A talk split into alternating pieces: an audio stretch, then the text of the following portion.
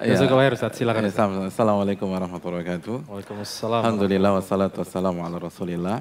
Eh, teman-teman yang dirahmati oleh Allah Subhanahu wa taala, eh, review seperti tadi itu penting ya karena inti ilmu itu bukan cepet-cepetan selesai, bukan uh, dibahas sekaligus, tapi kata uh, Ibnu Syihab Az-Zuhri, uh, ilmu itu sedikit demi sedikit. Dan itu perlu kita uh, review agar kita tahu bagaimana uh, daya tangkap dari antum semua dan benar-benar diresapi atau enggak. Karena kisah ini tuh kisah hidup sebenarnya. Kisah ini sangat bisa diterapkan dalam kehidupan kita sehari-hari. Contoh sederhana anak muda uh, dunianya curhat, dunianya share, dunianya curcol. Umuruman kalau kita pelajari kemarin dan tadi Lailatin uh, sempat sebutkan sekali memberikan tips kepada kita. Kalau kita dipercaya orang lalu dia tumpahkan masalahnya kepada kita, yang pertama tips dari umuruman itu kecilkan masalah, sederhanakan. Hawini alaik kata umuruman. Ini nggak ada apa-apanya. Ini bukan hal yang penting, wai anakku. Ini hal yang sederhana. Terus yang kedua, uh, puji dia.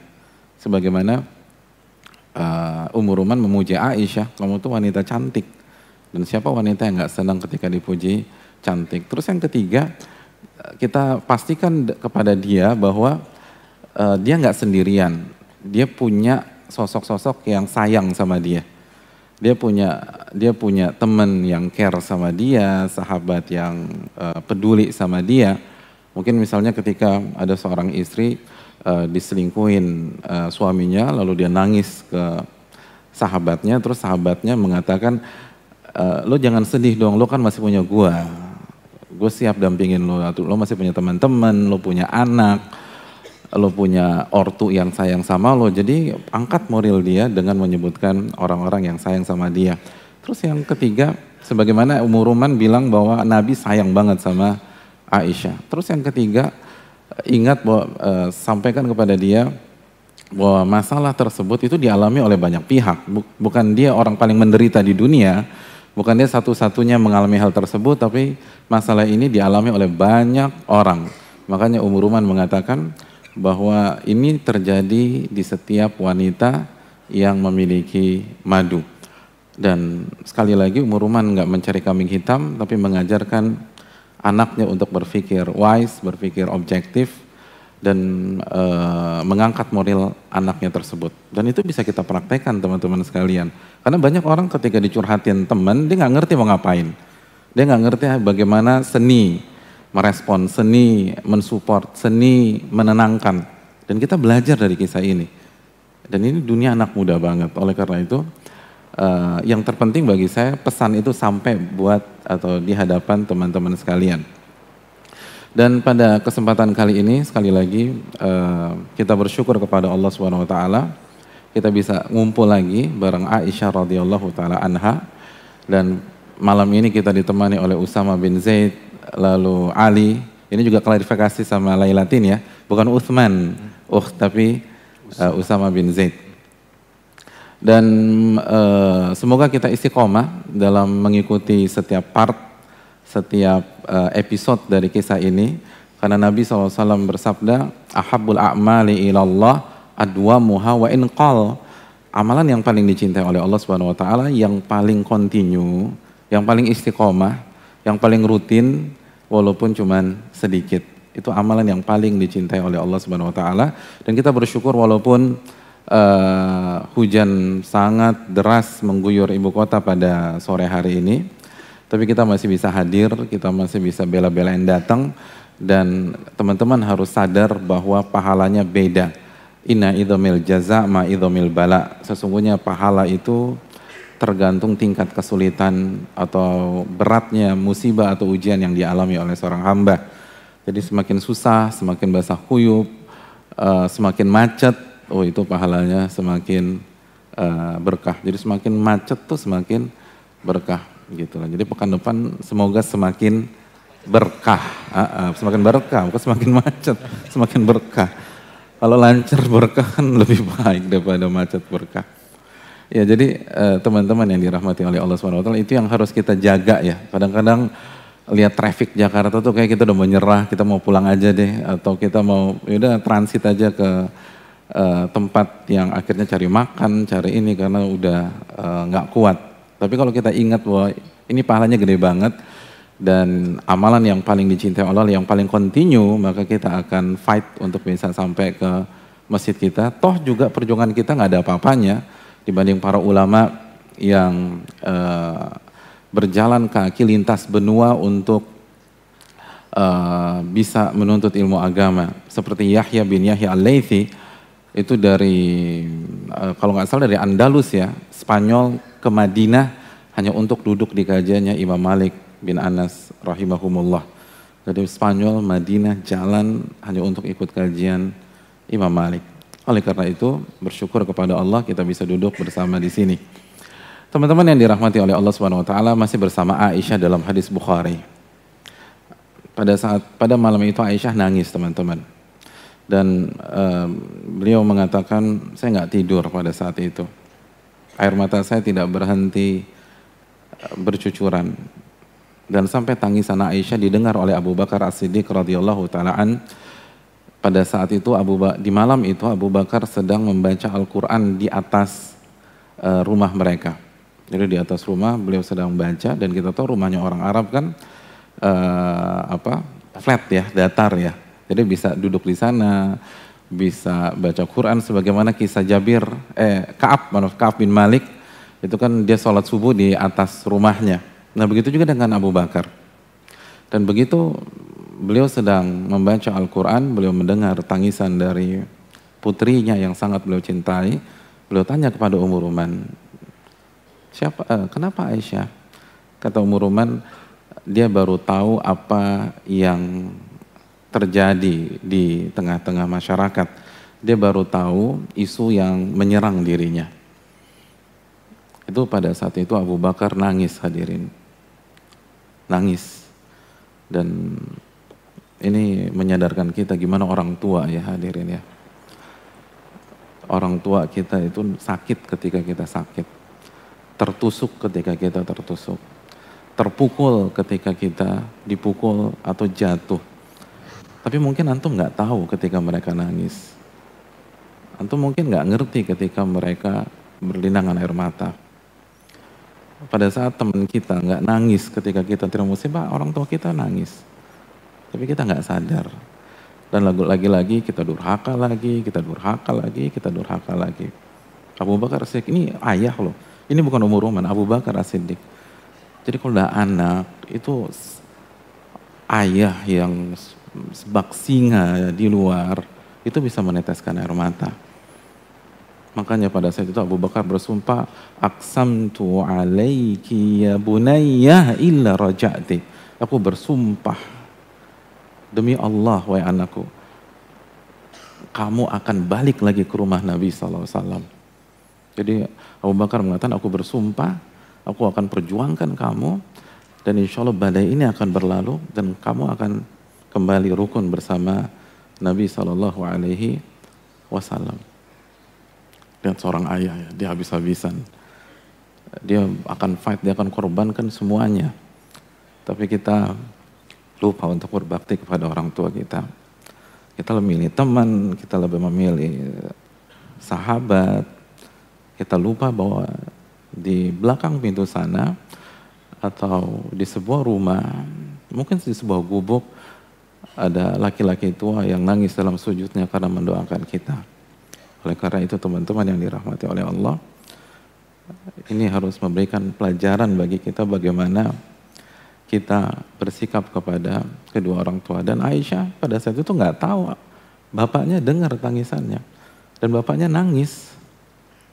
Oleh karena itu, uh, sekali lagi ini pentingnya birul walidain kepada kedua orang tua kita. Lalu tiba hari esok, teman-teman sekalian. Fada'a Rasulullah SAW Ali bin Abi Talib wa Usama bin Zaid Fifiraki ahli. Keesokan harinya, Nabi SAW mengundang Ali bin Abi Thalib dan Usama bin Zaid untuk membicarakan tentang hal besar tentang kemungkinan berpisah dengan istrinya berpisah dengan istrinya ini menarik teman-teman sekalian Nabi SAW diskus dengan Ali bin Abi Thalib dan Usama bin Zaid dalam masalah rumah tangga dalam masalah keluarga. Ini pelajaran bagi kita-kita semua. Kalau sekali bernabi SAW uh, bermusyawarah dalam masalah rumah tangga, dalam masalah keluarga, maka masa sih kita mutusin sendiri? Banyak di antara kita kalau mau merit mengandalkan dirinya sendiri. Ada masalah rumah tangga mutusin sendiri. Ini nggak tepat libatkan pihak lain. Dan uh, dan saya ingin tekankan masalah ini khususnya bagi antum yang mau merit ya. Dan khususnya lagi ketika antum udah suka. Misalnya yang ikhwan suka sama akhwat dan akhwat udah naksir sama si ikhwannya karena dari yang dia tahu um, dia seakan-akan ini udah pemimpin yang pasti baik buat dia antum jangan putuskan sendiri. Libatkan yang lain. Libatkan orang tua, libatkan orang-orang yang bijak, libatkan ustadz kalau antum kenal ustadz, libatkan orang yang bisa melihat dari atas. Yang cara pandangnya, frame-nya itu helikopter view dari atas. Karena kalau antum udah suka, antum gak objektif. Kalau antum udah suka, antum gak objektif. Makanya dari sinilah kenapa Islam uh, tidak mendukung pacaran. Karena kalau orang udah pacaran, nggak objektif deh. Al-hubu yu'mi. Cinta itu bikin buta. Makanya libatkan pihak lain. Dan salah satu pihak yang harus antum libatkan orang tua. Karena dia lebih pengalaman dari antum. Coba anda tanya, ada yang di antara antum, ada yang antum lebih pengalaman dari orang tuanya dalam masa rumah tangga? Saya dua tahun lebih berpengalaman daripada nyokap saya Pak Ustadz. Kan nggak mungkin. Mustahil. Orang tua lebih pengalaman. Pengalaman nggak bohong deh. Jadi libatkan. Jangan mutu, apalagi kita masih darah muda, kita semangat dan seterusnya.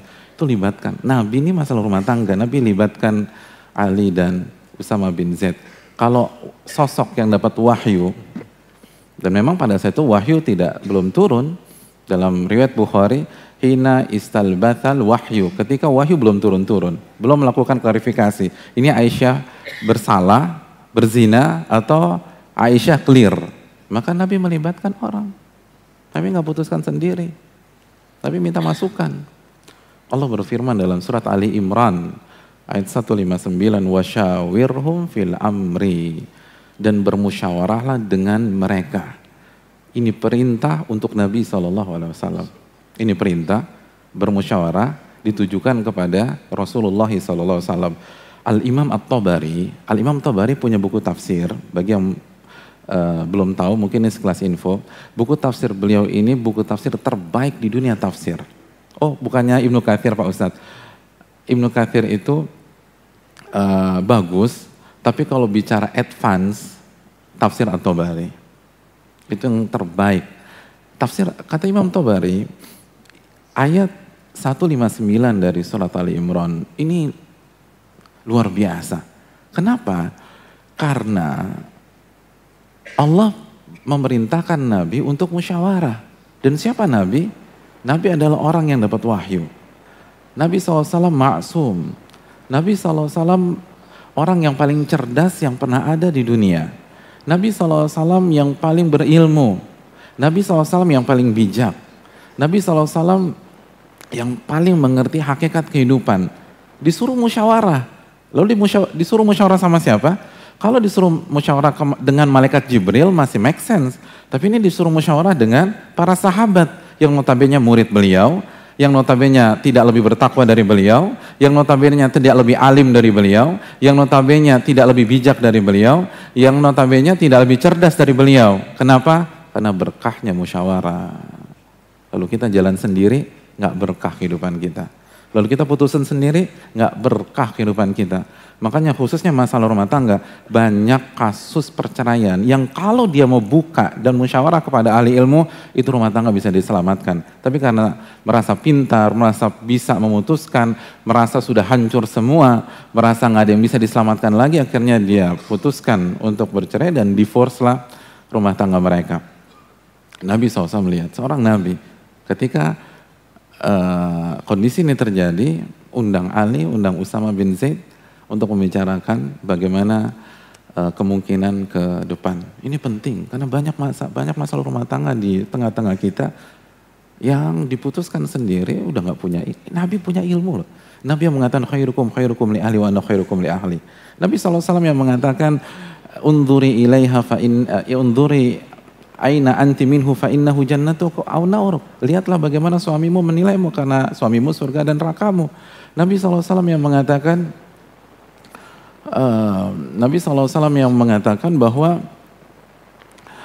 wan, uh, istri yang terbaik adalah istri yang kalau dilihat oleh suaminya menyenangkan suaminya. Dan Nabi SAW juga yang paling ngerti tentang dunia rumah tangga. Begitu ada masalah ini, musyawarah. Begitu ada masalah musyawarah. Jadi jangan merasa diri pintar. Khususnya bagi para uh, para pemimpin. Ini kan banyak para pemimpin di sini mayoritas case menunjukkan yang so, pihak yang paling nggak mau musyawarah masalah rumah tangga adalah para suami. Nggak mau deh. Suami itu tutup rapat-rapat masalah rumah tangganya. Itu istrinya udah nangis satu jam begitu tanya suaminya gimana masa bagaimana keluarga baik aman. Padahal istrinya sudah mau pisah. Nanyanya gimana Pak Ustadz saya pisah atau enggak. Tapi kalau nanya suami enggak baik-baik aja. Kenapa penyebabnya?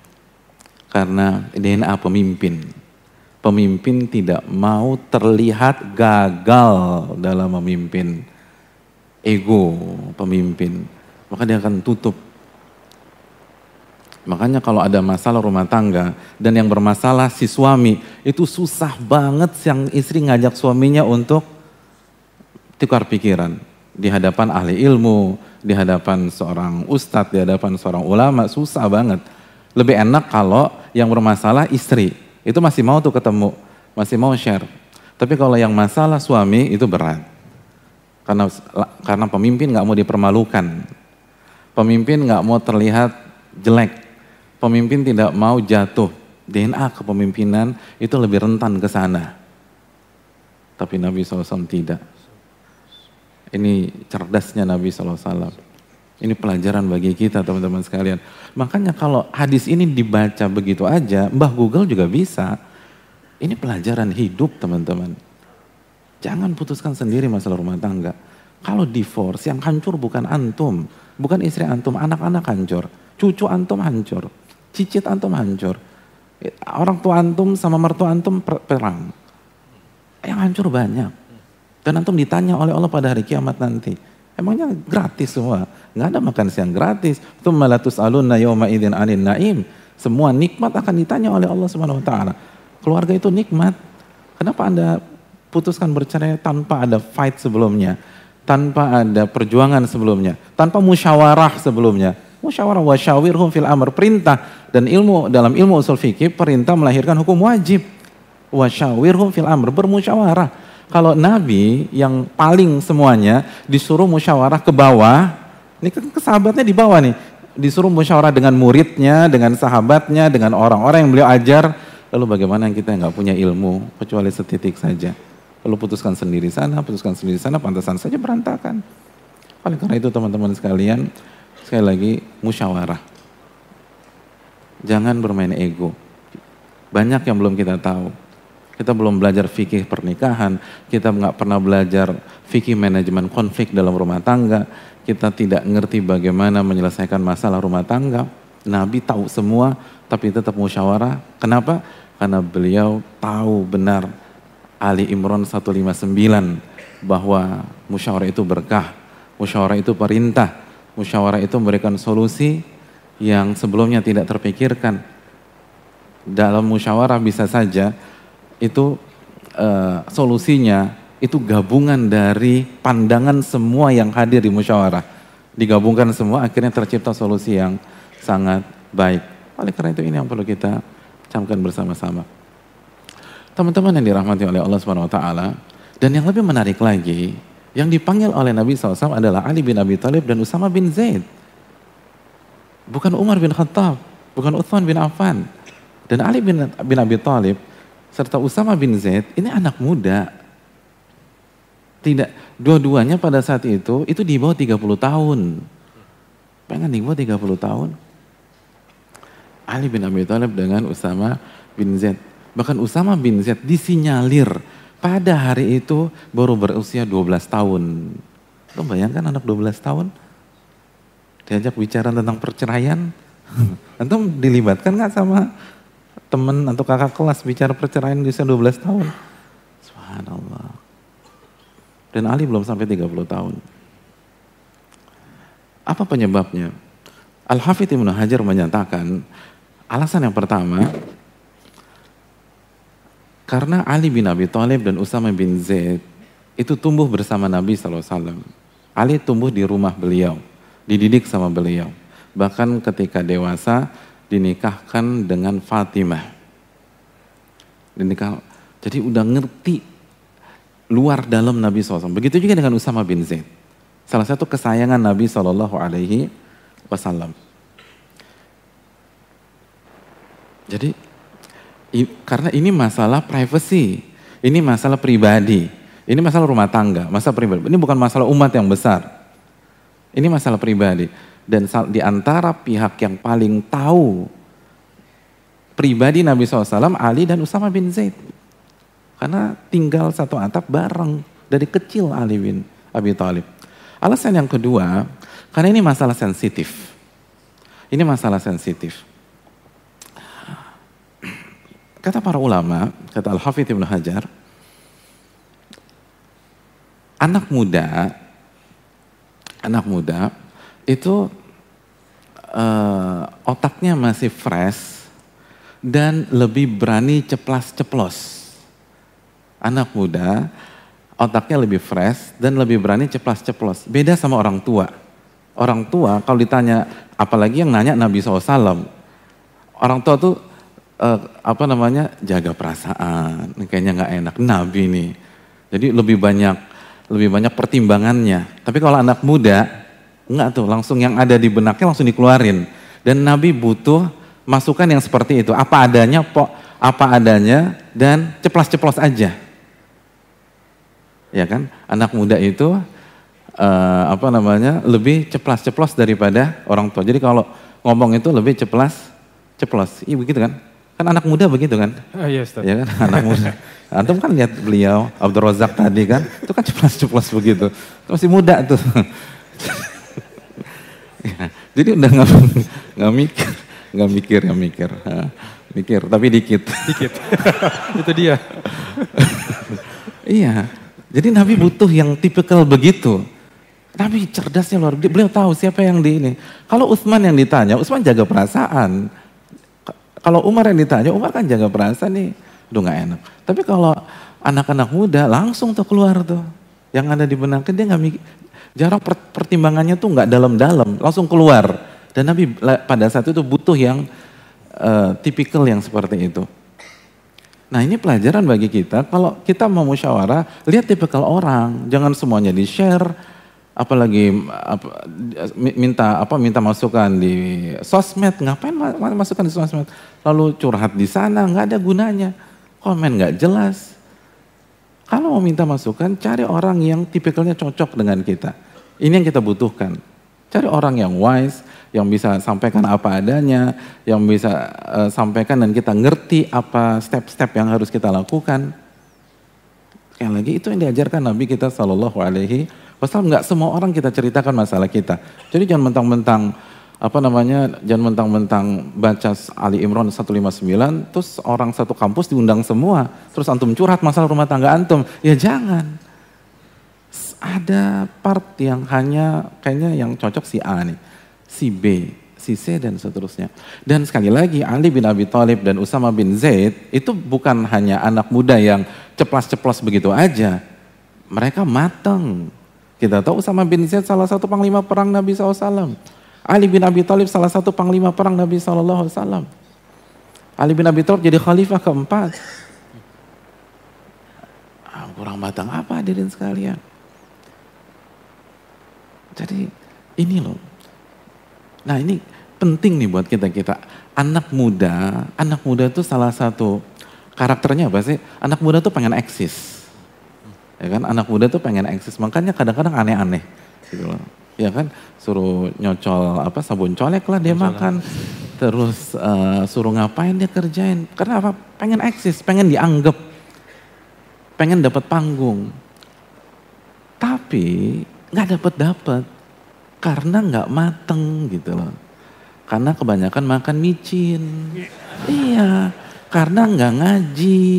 Karena nggak belajar agama. Ya Anda cuma pengen eksis tapi nggak belajar agama ya dicuekin. Makanya banyak anak muda nggak pernah dilibatkan tentang masalah-masalah keluarga, masalah-masalah eh, rumah tangga om-om dan tante-tantenya. Atau misalnya ada masalah waris tuh nggak dilibatin anak muda. Kenapa? Karena itu tadi.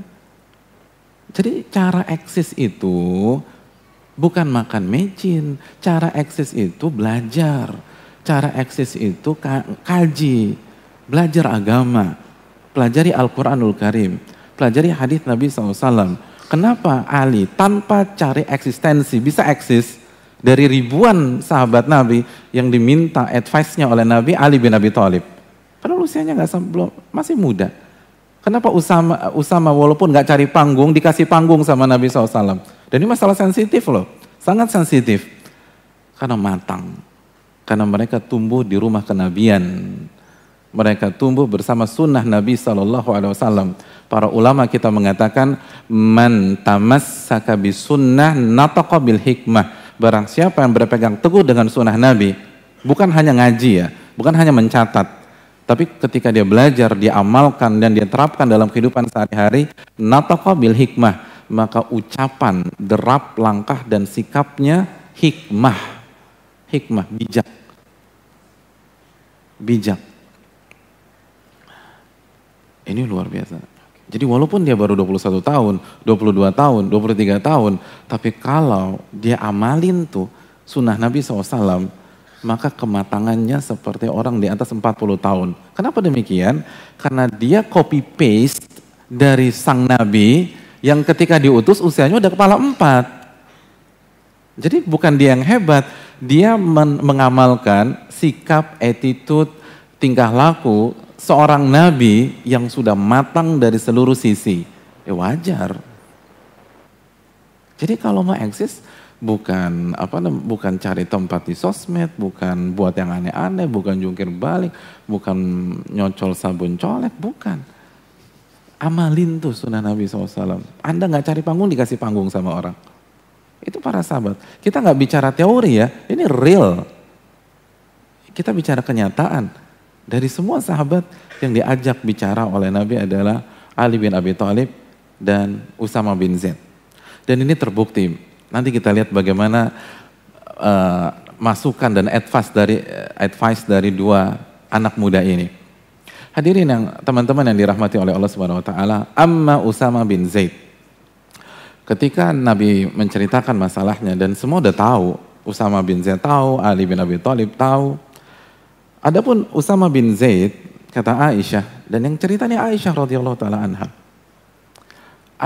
Fa asyara 'ala Nabi sallallahu wasallam maka Usama bin Zaid mengarah, me, mengarahkan masalah ini sesuai dengan ilmunya bi baraati ahli bahwa Aisyah bersih.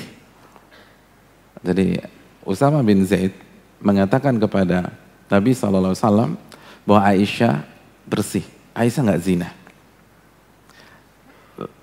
Lalu beliau mengatakan bi ilmihi lahum bil wuddi au Dan Usama memastikan Aisyah sayang sekali dengan Nabi Shallallahu Alaihi Wasallam, sayang sekali. Lalu Usama melanjutkan, Ya Rasulullah, hum ahluk Wahai Rasulullah, mereka adalah istri-istri engkau. kata para ulama, Usama bin Zaid tidak mengatakan Aisyah, tapi pakai kata ganti mereka. Salah satu maknanya untuk menjelaskan sebuah konsep seluruh istrimu, termasuk Aisyah, itu nggak mungkin berzina. Karena mereka adalah istri engkau, istri sang nabi. Dan istri sang nabi nggak mungkin punya rapot merah seperti itu. Karena suaminya nabi. Al-khobithat lil khobithin. Wal khobithuna lil khobithat. Yang buruk untuk yang buruk gitu loh. Jadi sebagian uh, salah satu tafsirnya wanita yang buruk untuk laki-laki yang buruk dan laki-laki yang buruk untuk wanita yang buruk. Watoyibatu litoyibin dan wanita yang baik untuk laki-laki yang baik. Watoyibuna litoyibat dan laki-laki yang baik untuk wanita yang yang baik. Nah mungkin.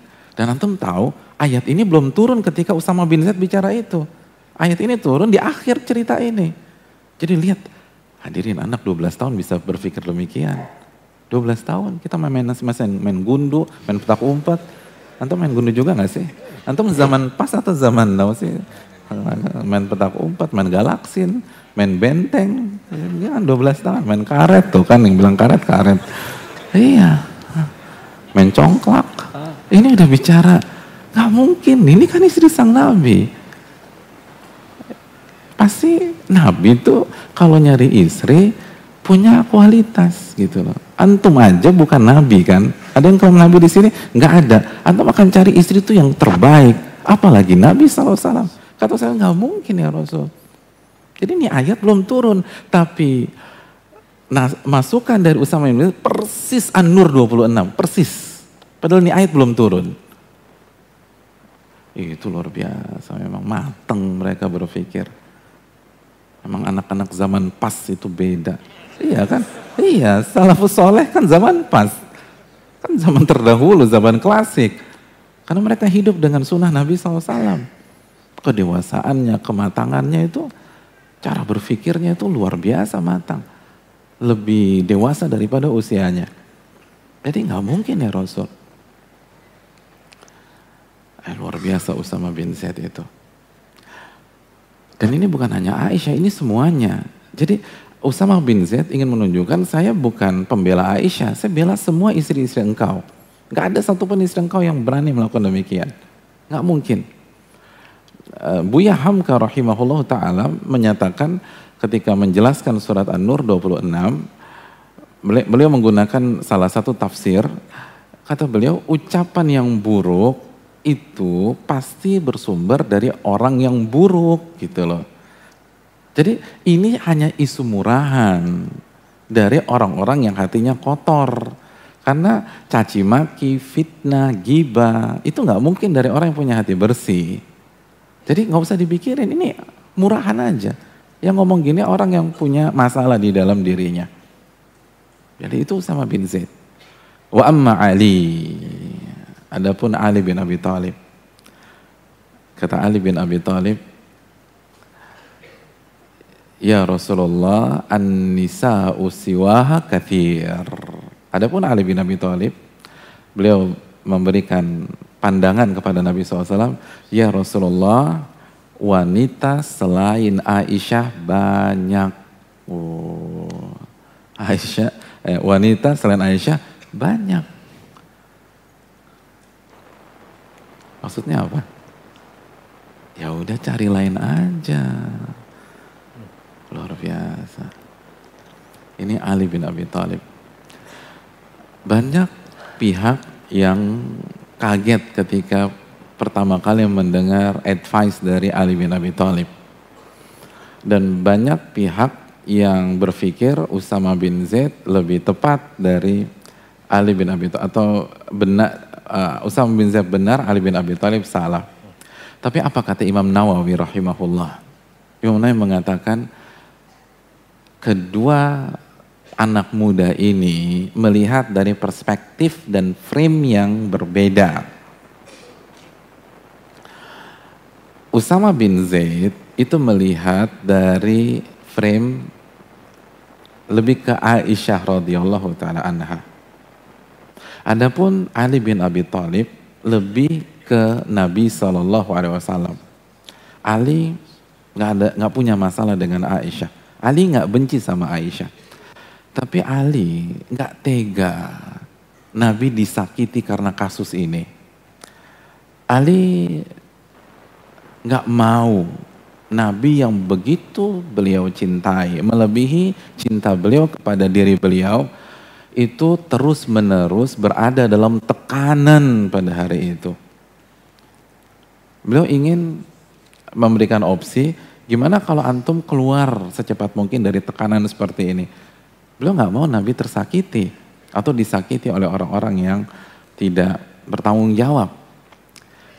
Dan menariknya, kata para ulama, maksud Ali bin Abi Thalib, ya Rasul, ceraikan Aisyah, lalu keadaan akan berangsur-angsur tenang. Dan nanti akan jelas, tersingkap, bahwa Aisyah bersih. Kan tinggal dinikahin lagi. Selesai, kan talak satu. Nikah lagi sama Aisyah. Tapi udah clear jadi sekali lagi saya ulang, ceraikan Aisyah biar masalah reda. Jadi ini bukan ceraikan Aisyah karena Aisyah berzina, bukan. Salah satu indikatornya kelanjutannya nanti kita bahas. Jadi bukan karena Aisyah berzina, Aisyah ngerepotin, bikin ribet, enggak. Ini orang nyerang antum nih sekarang. Ceraikan Aisyah, lalu suasana akan semakin kondusif, bersih. Nanti mungkin ayat turun, Aisyah clear, jelas, semua orang paham, Aisyah bersih, nikahin lagi, clear masalah.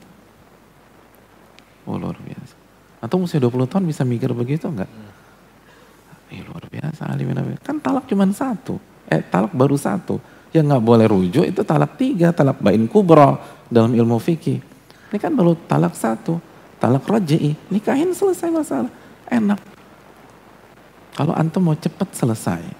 Atau kata Ali, ausal sal jariyah.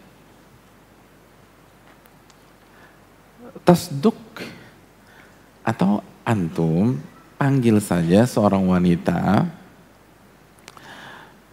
insya Allah dia akan benarkan antum wahai Rasul. Akhirnya Nabi memanggil siapa? Bariroh, seorang wanita. Dipanggillah Barirah. Dan Nabi tanya, wahai Barirah, bagaimana menurut kamu tentang Aisyah radhiyallahu taala anha? Apa kata Barirah? Kata Barirah, ya Rasulullah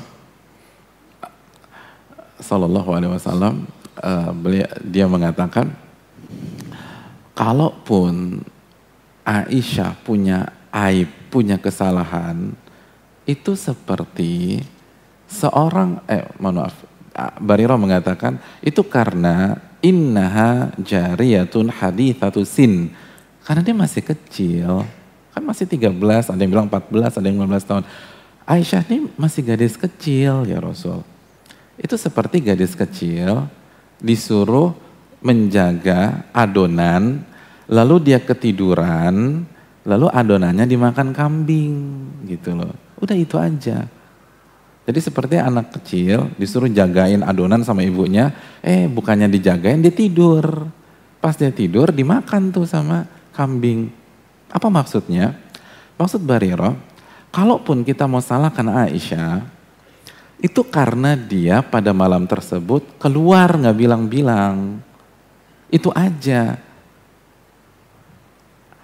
Lalu digoreng sama oknum, akhirnya rame kayak begini. Jadi kalau kita mau salahkan Aisyah, ingat kisah yang pertama atau di episode pertama, kan Aisyah keluar tuh nyari apa? Nyari kalungnya. Ah itu salah tuh. Tapi kesalahan dia digoreng sama orang. Akhirnya jadi kayak begini nih. Jadi kalau kita mau salahkan Aisyah, salahkan itu. Selebihnya nggak ada cacat dia. Dia bukan pezina. Dia nggak mungkin mengkhianatan engkau. Hadirin Jago ya pola pikir mereka tuh dalam mandang masalah. Husnudhan, terus cerdas, terus analoginya asik gitu loh. Jadi dia cuma tidur terus di terus tuh kambing ambil kesempatan makan tuh adonan. Begitu juga Aisyah misnya cuman nyari kalung. Terus nih oknum-oknum kambing nih ngegoreng. Bilang dia berzina, itu aja. Nggak lebih nggak kurang. Hadirin yang dirahmati teman-teman sekalian yang dirahmati oleh Allah Subhanahu wa taala. Jadi benar kata Ali bin Abi Thalib. Kata Ali bin Abi Thalib apa? Gini aja deh eh, atau Rasul panggil seorang wanita, tanya opininya, pasti dia akan benarkan antum. Artinya pasti dia akan mengatakan Aisyah bersih, itu maksudnya. Dan benar ketika ditanya Bariroh, Bariroh membela Aisyah radhiyallahu taala anha. Artinya Ali bin Abi Thalib, kata para ulama, seperti kata Al-Hafidh Ibn Hajar, itu hanya memberikan opsi kepada Nabi. Intinya Ali memberikan opsi kepada Nabi. Ya Rasulullah opsinya begini nih menurut saya.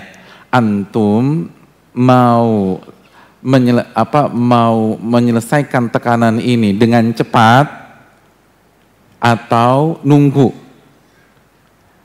Saya yakin Aisyah bersih tapi kalau antum ingin menyelesaikan masalah ini, kondisi ini dengan cepat, opsinya ceraikan Aisyah, kondisi uh, tekanan menurun, pressure menurun, baru nikahin lagi. Atau nunggu udah sampai wahyu turun. Ali bin Abi Thalib radhiyallahu taalaan. Oh luar biasa. Jadi lebih dalam daripada Usama bin Zaid sebenarnya. Usama bin Zaid langsung bela. Ali kasih opsi. Aisyah bersih.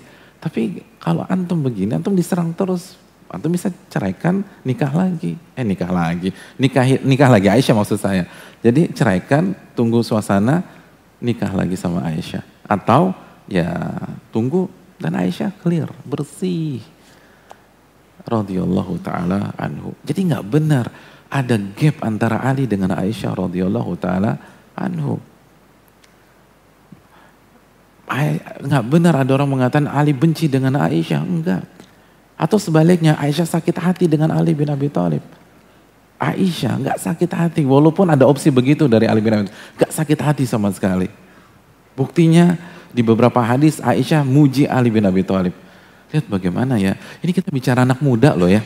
Ini bicara, kita nggak bicara para sesepuh, para apa orang-orang tua, orang apa guru-guru bangsa, enggak. Kita bicara anak-anak muda nih. Ali bin Abi Thalib, Aisyah anak-anak muda.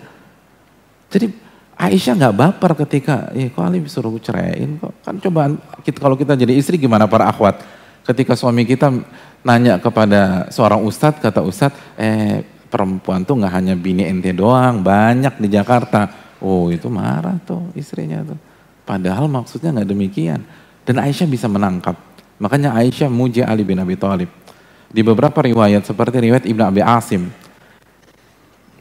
Aisyah pernah mengatakan ilzam aliyan.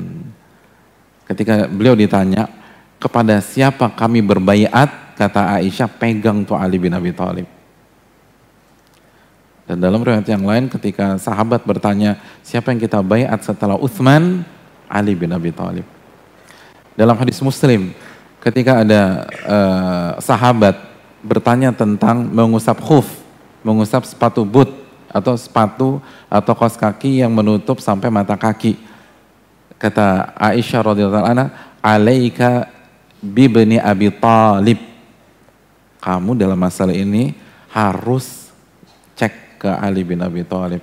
Itu yang paling ngerti karena sering safar bersama Nabi SAW. Hadis muslim, awkamakal. Jadi beliau nggak sakit hati itu. Beliau bisa ngerti. Dan beliau husnudon. Lihat, Ali husnudon dengan Aisyah. Sehingga Ali bilang clear masalah. Lalu Aisyah husnudon juga dengan Ali. Ketika Ali mengatakan, An-nisa usiwaha kathir. Wanita selain Aisyah itu banyak ya Rasul. Coba kalau dua-duanya suudon, repot masalah.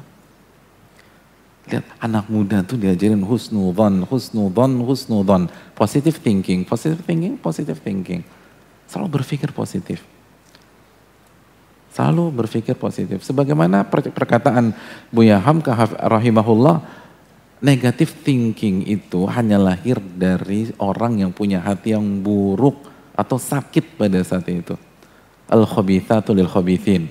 Jadi al-khabithat di antara tafsirnya itu bukan hanya wanita yang buruk tetapi kata-kata yang buruk, pola pikir yang buruk, fitnahan yang buruk hanya dimiliki oleh lil khobithin, orang-orang yang buruk.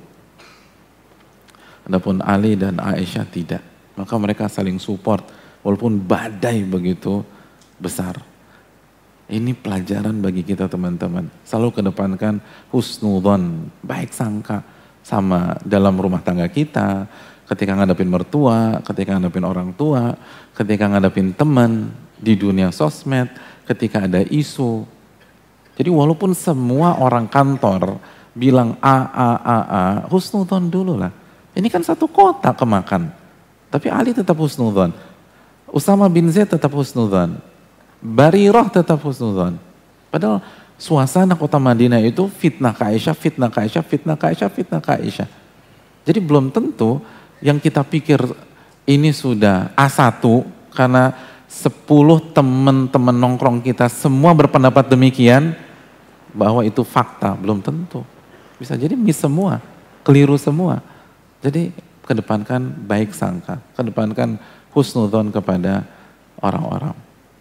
Oleh karena itu uh, hadirin yang dirahmati oleh Allah Subhanahu wa taala akhirnya Nabi SAW tidak uh, apa tidak menceraikan Aisyah dan tetap mempertahankan Aisyah radhiyallahu taala anha dan beliau uh, menyelesaikan diskusi dan musyawarah beliau dengan Usama bin Zaid dan Ali bin Abi Thalib. Rekan-rekan yang dirahmati oleh Allah Subhanahu wa taala, lalu berikutnya Nabi SAW berbicara di hadapan sahabat-sahabatnya di kota Madinah. Beliau ingin melihat bagaimana respon para sahabat. Beliau berdiri di atas mimbar dan seluruh para sahabat menunggu apa keputusan dan apa yang disampaikan oleh Nabi Shallallahu Alaihi Wasallam. Dan apa yang Nabi SAW sampaikan, kita akan bahas pada Rabu yang akan datang. Ya. Allah Ta'ala. Wallahu ta'ala misawab. Kita buka sesi tanya jawab. Wa astagfirullah li walakum. Ya, jazakumullah khair Ustaz. Uh, atas materinya Masya Allah. Masya Allah. Anak muda Abdul Razak. Anak muda. Gak harus proving makan makan yang gak bisa dimakan. Seperti? Micin. Masya. ya kajian masih okay. berlangsung ya. teman-teman. Ya. Kalau bisa kita dengarkan ya. sampai akhir itu akan lebih baik ya buat kita. Karena manfaat ditanya jawab seperti yang udah Ustadz sampaikan sama dengan manfaat yang ada pada materi. Silakan untuk Sister Side yang mikrofonnya ya. sudah siap. Silakan. Sisters. Um. Assalamualaikum warahmatullahi wabarakatuh. Waalaikumsalam, warahmatullahi wabarakatuh. Nama saya Diana. Iya. Oke okay, Diana. Dari mana Dari Diana? Mana? Dari Ciganjur. Oke. Okay. Ciganjur. Oke. Okay. Ya. Silakan. Silakan pertanyaannya. Uh, uh, kan ada seorang cewek, seorang wanita, dia itu menjodohkan temannya dengan pria. Ini mis misal atau fakta? Uh, ini fakta. Oke. okay, okay. Apa? Okay. Ada cewek kenapa? Karena ada cewek. Ah. Gimana tadi Mbak? Anak muda Ustaz. Anak muda. ya. Gimana tadi Mbak Diana? Ada seorang ya. wanita menjodohkan ya. temannya kepada seorang Men pria. Menjodohkan. Menjodohkan. Ya. Oke. Okay. Oke. Okay. Ya. Silakan. Silakan. Uh, saat dia ingin menikah, sudah ingin menikah, hmm. tiba-tiba hmm. ada konflik uh, temannya dengan calon suaminya. Apa? apa? Ada konflik uh, oh. temannya yang jodohin sama ini calon suami. Calon suaminya. Ya. CPP ya. Ya, terus uh, konfliknya berlanjutan sampai dia menikah. Lalu suaminya itu memfitnah wanita tersebut uh, temannya sendiri sampai-sampai wanita sahabatnya eh gimana ya? Mana ya? Pelik nih, pelik nggak apa pelan-pelan aja mbak, pelan-pelan. Tenang, tenang, tenang. Tenang. Jadi tadi dia si teman yang ngejodohin itu berantem sama Jadi mak comblangnya diberantemin gitu kan ya? Iya. Ah, ya, oke. Okay. Nah, yang mak comblangnya itu sampai uh, ribut sama uh -huh. sahabatnya sendiri hmm. gara-gara -huh. difitnah sama calon suaminya. Uh, lalu uh, yang Enggak, maksudnya uh, mak comblangnya di fit, di, diserang dalam dalam konteks dijadikan kambing hitam gitu ya? Iya, Bukan? jadi uh, gara-gara lo nih lo jodohin kita jadi begini gitu ya? Benar gak sih? Iya. Enggak sebentar, sebentar. Iya. Dia yang jawaban. Itu kasus antum atau kasus dia? Allah Ustaz. uh, dijadikan kambing hitam uh, gara-gara comblangannya uh. atau selain? Masalah lain? Masalah lain, jadi kayak uh, kayak misalkan uh, gimana? Gimana? Gak apa-apa, gak apa-apa. Kita tunggu kok. Hmm. Atau mungkin pakai si A, si B, si C gitu ya? Iya. Ya, sebut saja mawar. Iya. Jadi yang saya yang sah, sahabatnya itu yang nikah nih yang mau nikah itu sitanya si A ya, Pak. Ah, A. Nah, itu ya, sahabatnya itu selingkuh sama cowok lain pas dia mau nikah. Terus si yang nyomblanginya itu bilang ke calon suaminya, tapi calon suaminya nggak percaya, jadinya ribut gitu jalurnya. Paham nggak? Nggak udah merit belum sih nih? Belum, baru. Tapi kejadian ini belum merit kan yang dijodohin itu belum merit ya? Iya itu pas waktu belum merit. Oke. Okay. Uh -uh. Nah sekarang udah merit, jadi uh, nggak tahu kenapa uh, yang nikah itu mereka berdua itu jadi musuhin yang nyomblangin. Gitu gara-gara difitnah. Oke, terus pertanyaannya? Sikap kita yang nyomblangin oh. itu uh, gimana terhadap mereka yang udah kayak oh, Oh gitu. Oke, oke. Ya, ya, ya, nice. Tapi di sini Pak penghulu nggak salah apa-apa ya? Iya. Ya. Iya, terima kasih. Nice. Pertanyaannya bagus Mbak Diana dari Ciganjur. Alhamdulillah kita sedikit paham. Iya, terima kasih Jazakallah. Silakan Ustaz Nuzul Hafizahullah. Iya terima kasih Mbak. Mbak siapa tadi? Diana. Diana Ustaz. Oh, Mbak Diana. Uh, yang pertama ini pelajaran buat kita. Uh, saya nggak mau masuk ke masalahnya dulu ya, tapi saya ingin kasih mukadimah. Uh, hati-hati dalam dunia percomblangan. Baik ketika kita dicomblangin oleh teman atau kita berusaha menjodohkan atau mencomblangkan. Memang sepakat yang menjodohkan itu pahalanya gede banget. Tapi semua investasi besar itu high risk. Kalau miss yang menjodohkan ikut bertanggung jawab di akhirat. Kalau miss karena kesalahan si mak comblang. Artinya uh, orang pihak ketiga yang menjodohkan itu harus tahu fikih mencomblangkan. Tuh ada tuh fikihnya tuh. Fikih fikih comblang. Ya, tapi itu dari saya ya istilahnya. tapi maksud saya ada kaedahnya bagaimana kita menjodohkan si A dengan si B, hmm. si C dengan si D, dan banyak kasus di tengah-tengah teman-teman itu itu nggak pakai kaidah hmm. gitu loh, nggak ngerti Eh, nggak uh, ngerti SOP-nya, nggak ngerti pertimbangannya, nggak ngerti rambu-rambu syarinya, maka banyak yang miss dan berakhir divorce. Jadi semua tuh ada fikihnya, semua ada kaedahnya, semua ada SOP-nya. Ini poin yang perlu kita uh, camkan bersama-sama. Uh, poin yang kedua, ini kan masalah cukup global ya. Bagi yang mencomblangkan, coba dia introspeksi diri kalau dia sudah apa? Kalau dia sudah menggunakan kaidah dalam mencomblangkan, tapi tetap difitnah, maka itu ujian keikhlasan. Itu ujian keikhlasan. Allah berfirman dalam surat Al-Furqan ayat 20, "Wa ja'alna ba'dakum li ba'din fitnatan atasbirun wa kana rabbuka basira." Dan kami jadikan dan kami jadikan interaksi di antara kalian itu cobaan bagi kalian, ujian bagi kalian atas birun sabar enggak jadi eh, ketika kita misalnya saya lagi bermas saya lagi bicara atau bermasalah dengan Abdul Razak saya adalah cobaan bagi Abdul Razak dan Abdul Razak itu cobaan bagi saya.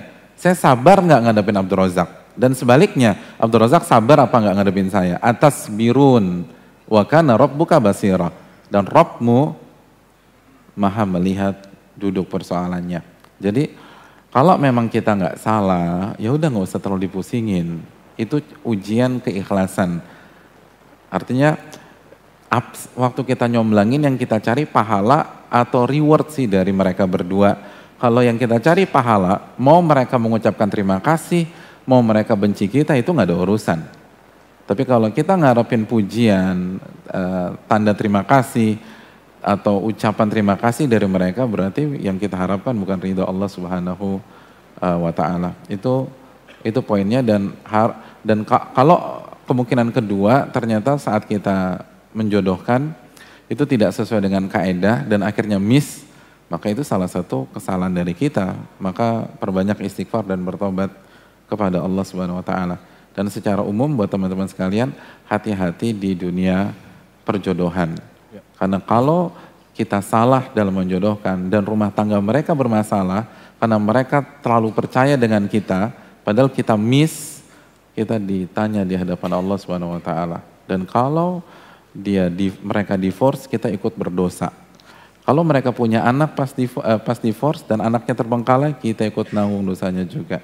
Karena kita sebab dari masalah dan prahara tersebut.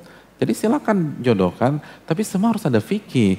Sebagaimana sholat ada fikihnya, zakat ada fikihnya, akad nikah ada fikihnya, ya perjodohan juga ada fikihnya. Gak bisa main asal-asalan gitu aja.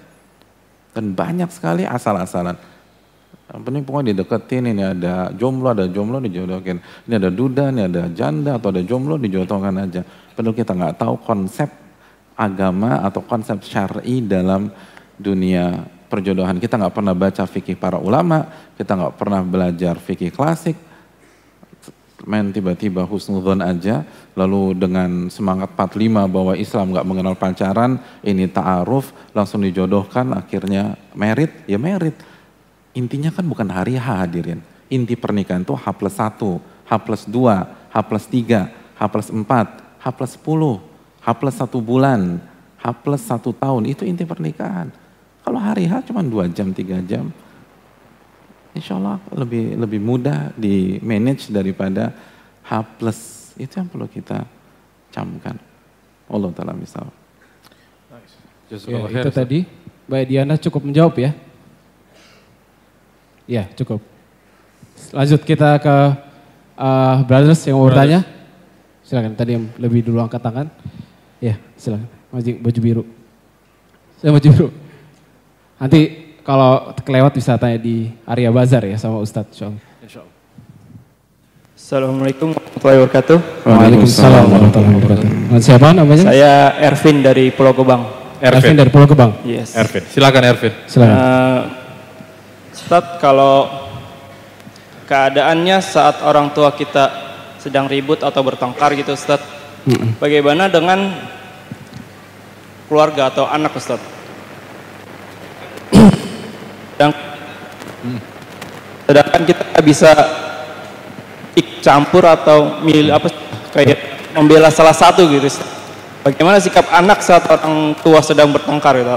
Malah besar ya ini faktor mic ya tolong dicek lagi. Terima kasih banyak siapa mas? Ervin. Ervin ya? iya makasih banyak Ervin. Jazakumullah khairan. Jawabannya kembali kepada hadis Nabi SAW fa'ati kulladhi haqqin haqqah sebagaimana hadis yang dibawakan juga Imam Nawawi dalam Riyadhus Salihin itu kuncinya. Fa'ati kulladzi haqqin haqqah. Berikanlah setiap pihak haknya masing-masing. Jadi berikanlah ayah haknya ayah dan berikanlah ibu haknya ibu. Jangan bermadhab di sini. Jadi saya madhab ibu. Atau jangan berkubu di sini. Atau jangan uh, membela salah satu pihak akhirnya kita zolimin yang lain. Konsepnya adalah fa'ati kulladhi haqqin haqqah. Berikanlah setiap pihak haknya masing-masing. Jadi eh, apa terlepas misalnya ayah dolimin ibu atau ibu dolimin ayah ya dia tetap ibu antum. Misalnya ada seorang ibu uh, dipergokin oleh ayah uh, anaknya selingkuh atau ayah dipergokin anaknya selingkuh. An anak gak boleh benci ayahnya. Selama dia ayah tunaikan kewajiban kita terhadap ayah kita dan berikan haknya. Dan lalu doakan agar semuanya dapat hidayah. Perbanyak sujud wasta'inu bisabri wassalah mintalah pertolongan kepada Allah dengan sabar dan sholat lalu konsep umuruman sederhanakan masalah. Hawini alaiki. Ini bukan masalah besar wa Aisyah. Ini masalah insya Allah cepat berlalu ini masalah cepat berlalu. Dan itu poin besar ya teman-teman sekalian. Uh, asal kita bisa menyikapi dengan bijak setiap masalah setiap fitnah setiap gibah itu nggak lama kok. Kalau nggak salah Allah sebutkan dalam surat Ar-Ra'd ya ayat 17 mohon dicek saya khawatir salah. Allah berfirman fa'amaz zabadu fayadhabu jufa'a. Adapun buih itu akan hilang dengan cepat. Buih itu, kata Allah, Allah kasih analogi. Buih itu akan hilang dengan cepat. Yang jadi masalah, kita sering salah menyikapi si buih. Akhirnya alih-alih hilang, mengembang bak ombak yang tingginya 4 atau 5 meter. Padahal kalau kita biarkan saja dan kita sikapi dengan bijak, biarkan sana itu bukan heboh ya, bukan baperan atau bukan apa meledak-ledak, tapi kita sikapi dengan sunnah Nabi SAW itu hilangnya cepat, hilangnya cepat dan endingnya pasti manis. Jadi pastikan uh, jadi antum atau kita semua pastikan uh, apa semua diredakan, jangan dihebohkan, jangan digoreng, jangan dikasih bumbu, jangan dikasih mecin, tapi dikerucutkan, uh, disederhanakan, ditenangkan, diredakan, sehingga semua bisa mengikuti sunnah Nabi dalam masalah tersebut dan hilangnya akan cepat insya Allah ta'ala. Mungkin itu. Ada pertanyaan lain? Jazakallah khair Ustaz. Sama-sama. Oke, boleh lagi Ustaz? Boleh, boleh. Oke, ke sisters lagi yang mau bertanya? Waalaikumsalam. Waalaikumsalam. Saya Laras dari Jakarta Pusat. Laras? Iya. Oke, okay, silakan Laras. Dari mana? Ciputat tuh. Oke. Okay. Ya, uh, agak Pusat. bisa uh, mohon maaf agak di oh, ya oke. Okay. Dekatkan mikrofon. Dari Jakarta Pusat. Jadi saya mau bertanya tentang perceraian. Tentang apa? Perceraian. Apa sih? Mikrofon kenapa? Ada lagi mikrofon? bisa lebih keras suaranya, Halo? Laras? Uh, ini udah kedengeran? Ah, mic-nya kayaknya. Ya, mikrofonnya dipegang atasnya. Oh ini, ini. Digenggam ya? Oh, iya, okay. Emang Kata, dilepas tadi? Iya. Kata orang teknik oh, iya. di belakang Ustaz. Oke. Okay. Ya, saya mau bertanya tentang perceraian. Apa hmm? ada? Oh, minta pencerahan? Gak bisa nih. Tenang, tenang. So, husnudhan, Zak. Husnudhan. Husnudhan. Oh ya, mungkin mereka, ya. Silakan. ya, Laras silakan. saya mau bertanya perceraian Ustaz. Perceraian. Uh, uh, terus? Ya terus. Apakah ada yang memperbolehkan? Ah ganti nih ganti mic, ganti mic. Ini perceraian nih, ganti mic. Ganti ada mic. mikrofon lagi gak di belakang? Ada itu ada. Ada? Terima kasih Nanda Jazakallah khair. Tahan ya Laras ya. ya anak. Tahan apa mbak? Tahan bertanya Ustaz. Oh iya.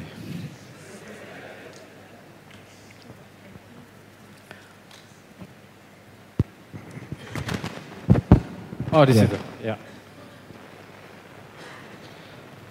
Mungkin sambil menunggu oh, uh, Mbak Laras yang mau bertanya, ini kita dapat laporan nih. Ya, ada kartu flash Gramedia yang yang merasa kehilangan bisa melapor ke panitia.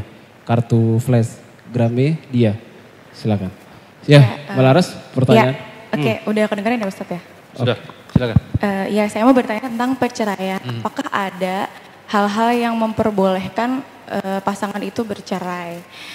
Misalnya kayak uzur yang seperti apa yang memperbolehkan uh, atau keadaan seperti apa yang memperbolehkan ke kedua pasangan itu bercerai. Terus kalau misalnya udah terlanjur bercerai, hal apa yang harus dilakukan keduanya? Karena kan itu kalau bercerai itu kan hal yang boleh tapi dibenci sama Allah gitu ya Ustadz ya.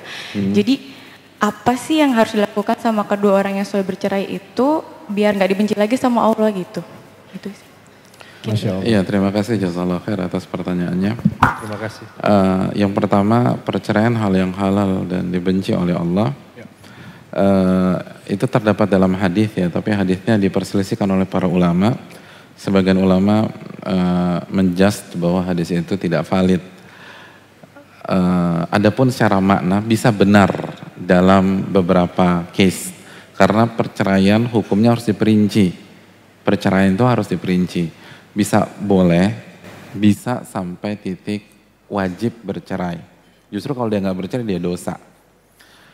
Contohnya misalnya kita buka surat An-Nur ayat 3. Allah berfirman, "Wa hurrima dzalika 'alal mu'minin." Menikah dengan pezina hukumnya haram bagi seorang mukmin atau seorang muslim. Jadi hukumnya haram. Jadi menikah dengan seorang pezina atau mempertahankan pernikahan dengan pezina hukumnya nggak boleh.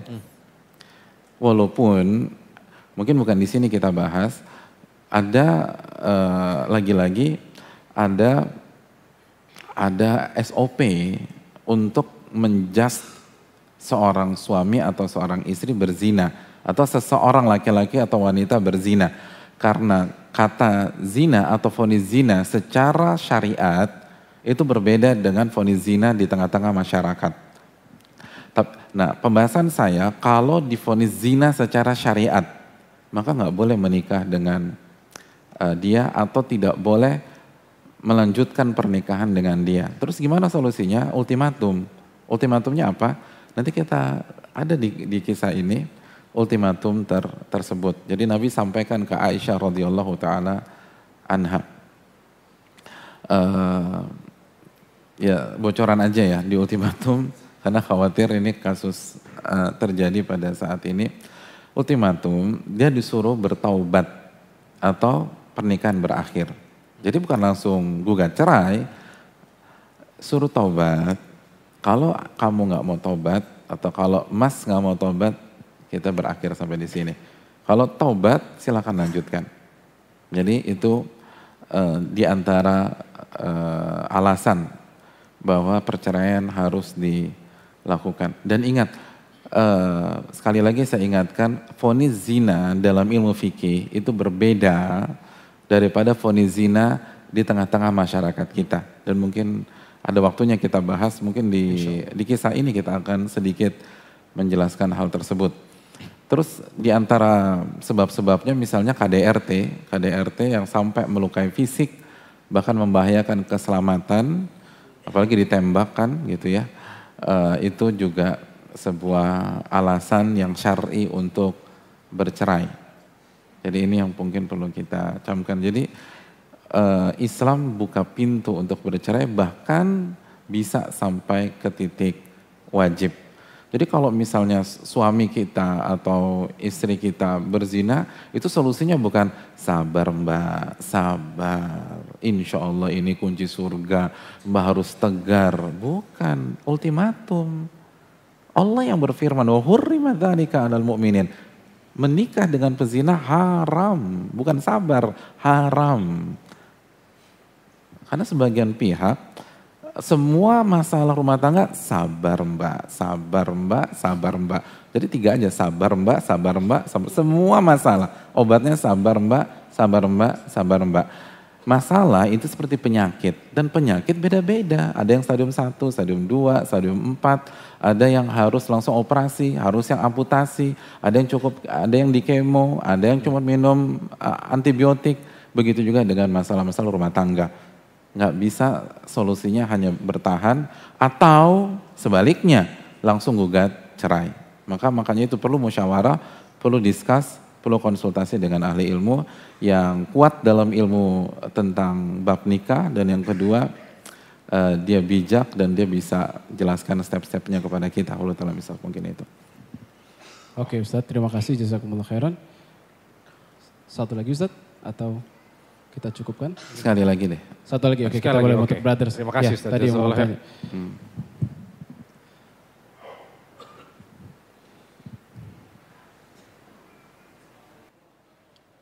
Waalaikumsalam warahmatullahi Didekatkan lagi mikrofonnya. Ya. Saya Arif dari BSD. Oke okay, Arif, Arif ya. silakan Arif. Arif. di mikrofon ini diangkat. Ya.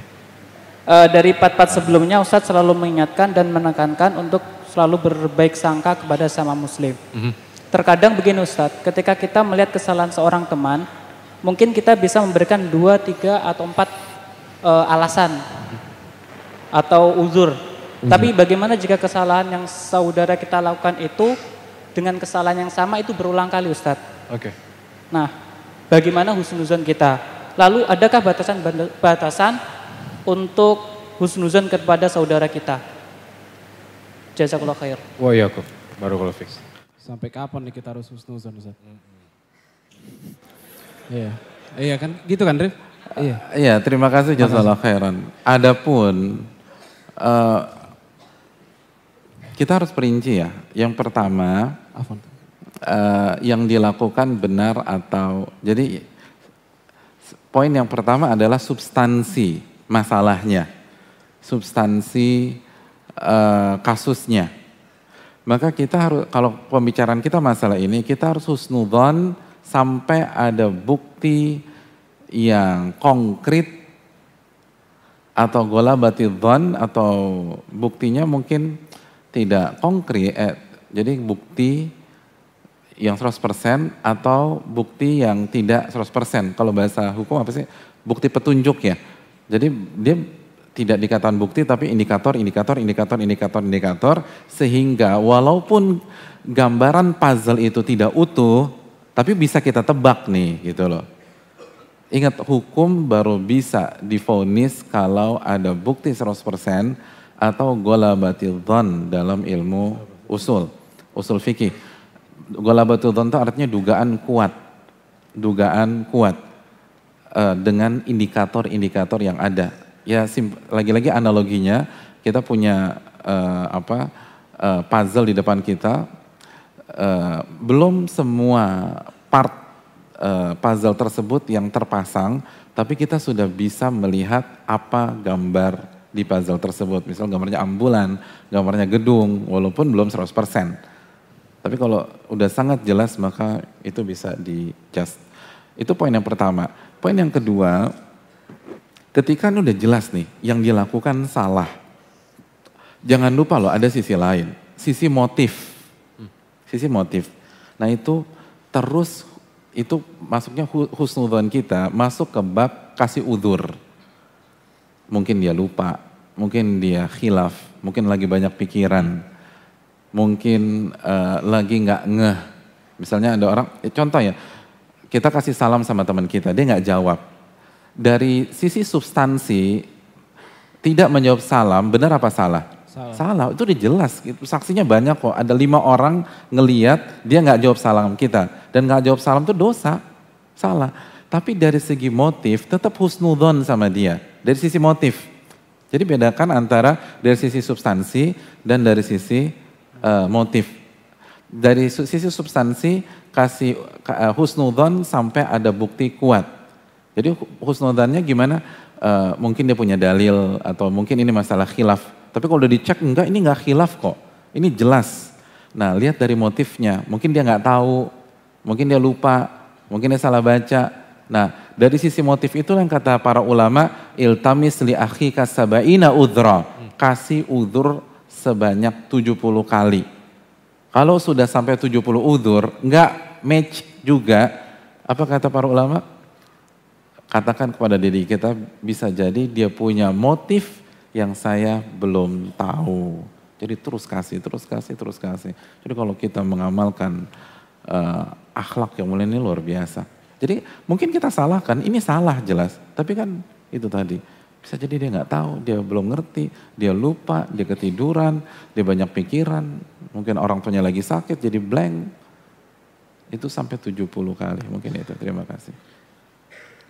Iya. Masya Allah. Masya Allah. 70 kali Ustaz. Iya. Iya kan tadi dibilang nanya ya. lagi.